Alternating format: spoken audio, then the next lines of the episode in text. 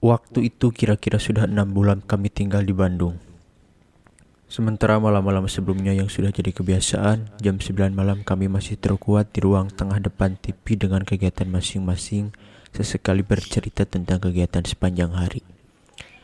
Sementara di luar hujan semakin deras mengguyur bumi, sampai ketika jarum jam sudah menunjuk ke arah angka 10, kami semua sudah mulai ngantuk lalu memutuskan untuk masuk ke kamar masing-masing.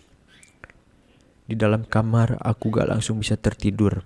Beberapa kali sempat terkesiap namun terjaga lagi entah kenapa. Hujan semakin menurun intensitasnya sampai ketika jam 12 tengah malam hanya tinggal menyisakan gerimis kecil. Menuju jam setengah satu, aku yang belum juga bisa tertidur merasa haus.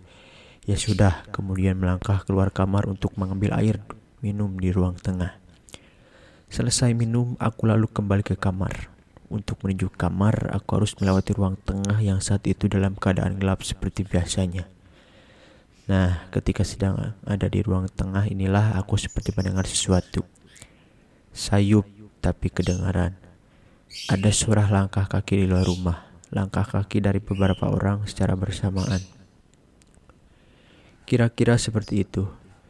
Pikiranku menebak suaranya seperti langkah kaki beberapa tentara yang sedang berbaris di kejauhan. Penasaran, lalu aku melangkah ke ruang tamu. Dari sini seharusnya bisa mendengar suara itu lebih jelas lagi. Dan benar, dari ruang tamu aku mendengar langkah kaki itu lebih jelas. Aku mendengarnya sambil mengintip keluar.